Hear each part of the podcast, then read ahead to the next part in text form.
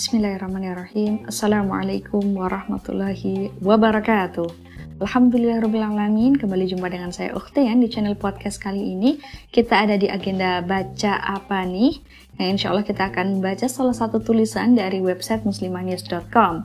Namun sebelumnya, saya ingin sapa terlebih dahulu bagaimana kabar sahabat muslimah semuanya. Semoga tetap dalam keadaan sehat, tetap semangat, dan tambah solihah. Semoga hari ini menjadi hari yang lebih baik daripada hari kemarin, dan semoga hari esok menjadi hari yang lebih baik daripada hari ini. Berbicara terkait gaya hidup ya sahabat muslimah semua, uh, ini saya menemukan opini yang berkaitan atau membahas ya tentang adanya kebebasan berpendapat seperti itu dan ini tentunya ada hal yang nantinya bisa mempengaruhi pola hidup ataupun pola pikir kaum muslimin. Sehingga perlu untuk kemudian kita tahu ya apa saja yang uh, dibahas di dalam tulisan ini. Baik sahabat muslimah semua, langsung saja mari kita simak bersama-sama opini dari website muslimanews.com. Judulnya, Kebebasan berpendapat itu konsep absurd. Mengapa terus digaungkan? Penulis Sezan Askaira Gerung. Diskursus mengenai kebebasan berpendapat sesungguhnya sudah sering digulirkan. Bagi kaum muslimin sendiri, ide kebebasan berpendapat seharusnya dilihat berdasarkan lensa akidah. Jika ini yang jadi pijakan, niscaya akan mampu melihat secara utuh ada apa di balik ide kebebasan berpendapat. Tulisan ini akan mengangkat dua kasus kebebasan berpendapat yang tengah viral, kasus mural yang mengekspresikan pendapat atas ke tak puasan rakyat terhadap penguasa, kasus lainnya adalah kebebasan berpendapat dalam menyuarakan ide child free. Meski kasusnya berbeda, dua kasus ini pada dasarnya mengerucut pada simpul ide kebebasan berpendapat. Dengan membandingkan dua kasus ini, kita dapat melihat dengan jelas bagaimana Barat meracuni pemikiran kaum muslimin melalui perang pemikiran yang terus diaruskan hingga saat ini. Mural kritis mengapa dibungkam? Kondisi pandemi sejatinya telah menguak realitas buruknya pelayanan yang diberikan penguasa pada rakyat. Negara yang telah menjelma menjadi korporasi ini pada akhirnya terpolarisasi pada upaya penyelamatan kepentingan oligarki kapitalistik. Karena negara telah menjadi pelayan para kapitalis, bukan menjadi pelayan rakyatnya. Wajar saja jika kritik yang diarahkan kepada rezim selalu berbuah represi. Penguasa jadi anti kritik Kekuasaan pada akhirnya hanyalah alat untuk menyelamatkan kepentingan rezim dan segelintir orang. Di tengah buruknya pelayanan pada rakyatnya, upaya untuk memoles kekuasaan terus dijalankan. Pada masa pandemi, ungkapan presentase keberhasilan penanganan pandemi yang diberitakan kontras dengan realitas di lapangan. Gerah dengan pola penanganan pandemi dan kebijakan yang tidak populis, suara-suara kritis pun bermunculan. Belakangan dengan munculnya mural atau lukisan dinding mirip Presiden Jokowi yang matanya tertutup kain merah bertuliskan 404 not found. Ada juga ada juga mural bertuliskan disuruh sehat di negara yang sakit dan mural senada. Meski sekadar ekspresi seni, pengerahan graffiti buster seolah menunjukkan hasrat untuk membungkam suara-suara kritis rakyat. Hal ini sekaligus mengindikasikan sikap otoriter rezim demi menjaga kelangsungan kekuasaannya. Lihatlah buntut dari kasus tersebut. Dikabarkan bahwa pembuat mural tersebut kini sedang berada dalam incaran polisi karena terindikasi menghina lambang negara. Meski demikian, beberapa pengamat justru menganggap bahwa mural tersebut merupakan ekspresi seni biasa. Kritik masyarakat bukanlah sesuatu yang sifatnya kebetulan belaka. Kekecewaan akan pemenuhan hajat hidup selama pandemi membuat mereka bergerak menyuarakan pendapat. Sayangnya, otorit otoritarian yang terus menunjukkan gejalanya telah menuntut adanya sikap represif atau suara kritis yang muncul ke permukaan. Ide liberal berlabel kebebasan berpendapat marak dikampanyekan.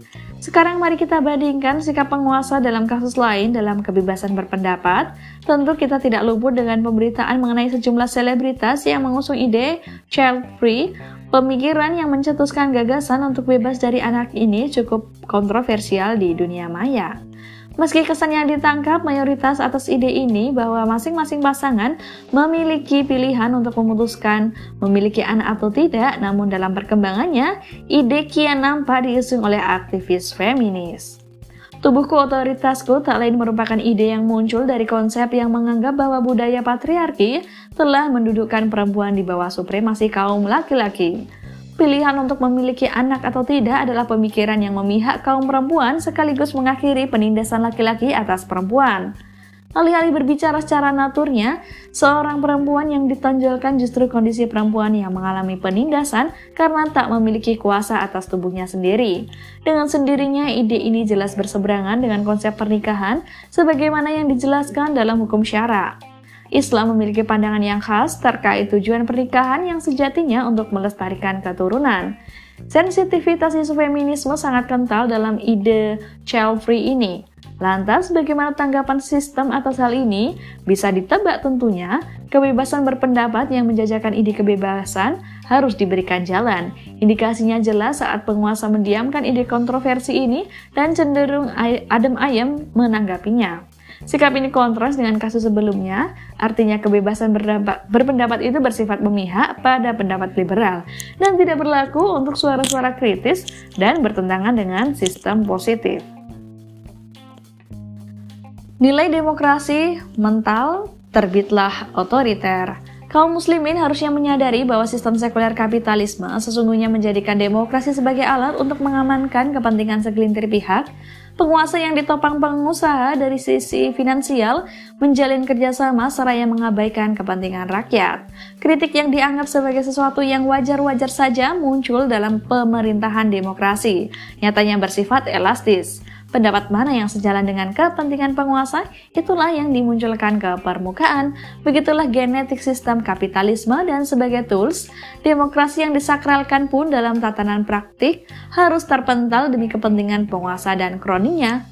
Inilah jawaban atas pertanyaan mengapa sistem yang katanya dari rakyat oleh rakyat dan untuk rakyat malah tidak memihak kepada rakyat, bersuara cukup sekali saat dibutuhkan dalam pesta demokrasi, selepasnya rakyat tak boleh bersuara.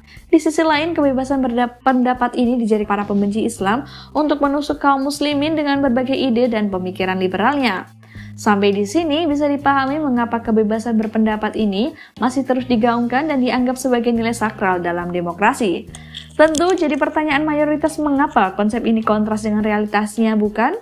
Mereka yang mengaminkan pentingnya kebebasan berpendapat pun dipaksa husnuzon dan mengaminkan pendapat bahwa semua ini disebabkan oleh kita yang belum dewasa dalam menjalankan sistem positif ini.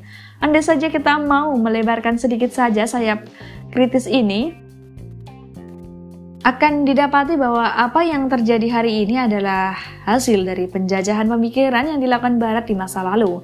Kebebasan berpendapat tak lain merupakan alat untuk menjajah pemikiran orisinal kaum muslimin. Bagaimana membuktikan hal itu? Bagaimana membuktikan hal ini? Bandingkanlah dua kasus di atas. Topeng busuk kebebasan berpendapat terlihat nyata dan tak lebih dari alat politik belaka. Digunakan untuk menusuk pemikiran-pemikiran Islam di saat bersamaan rezim dan antek-anteknya membungkam kritik masyarakat dengan cara-cara represif. Inilah utopisme kebebasan berpendapat yang merugikan. Masih mau ditipu dengan slogan ini? Baik, sahabat muslimah semua, terkait uh, opini ataupun agenda baca apa nih kali ini, semoga kita bisa mencermati ya yang terjadi ketika kebebasan berpendapat itu dibebaskan tapi ternyata juga merupakan konsep yang absurd. Semoga sahabat muslimah semua terjagai oleh pemikiran Islam sehingga tidak mudah terarus oleh pemikiran-pemikiran liberal yang mengarah kepada muaranya uh, sekulerisme. Baik sahabat muslimah semua, uh, insya Allah demikian. Mohon maaf apabila ada kekurangan dan kesalahan. Tetap semangat dakwah terus-terus dakwah. Sampai jumpa di agenda podcast selanjutnya. Semoga sahabat muslimah semua dalam kondisi sehat dan tetap semangat. Wabillahi taufiq wal hidayah. Wassalamualaikum warahmatullahi wabarakatuh.